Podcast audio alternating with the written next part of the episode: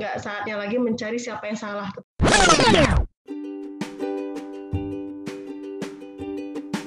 Di buku ini kan sebenarnya ada pariwaranya, generasi yang sering ku review. Cuma ada quote yang membekas sih ya, begini nih. Anak ya tidak membutuhkan orang tua yang sempurna.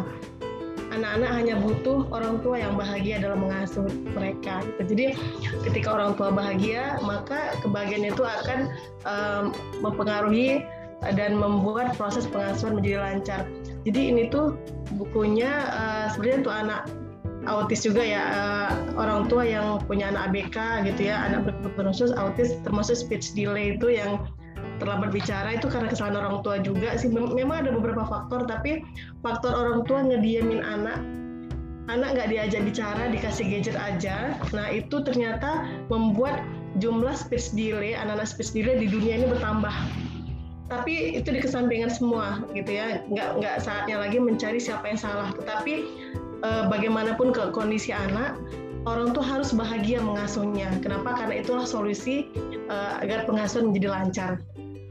Nah itu jadi dari situ. Karena kan suka ngeluh, ini anak kok uh, belajarnya kok anakku ya kan ada dari empat tuh beda-beda.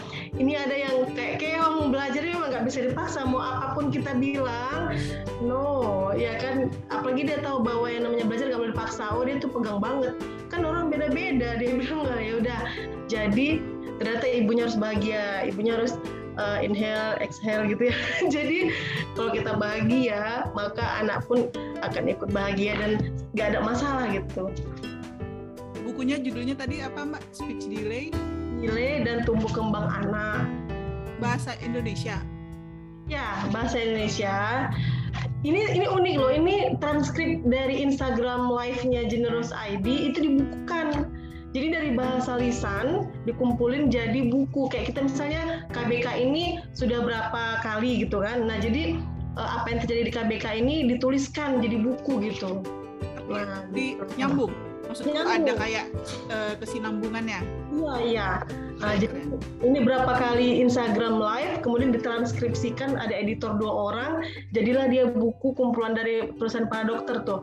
Dokter spesialis anak semua sama nutrisionis ada dia dietitian gitu kan ada magister hukum kesehatannya juga membahas dari segi hukum. Nah seperti itu.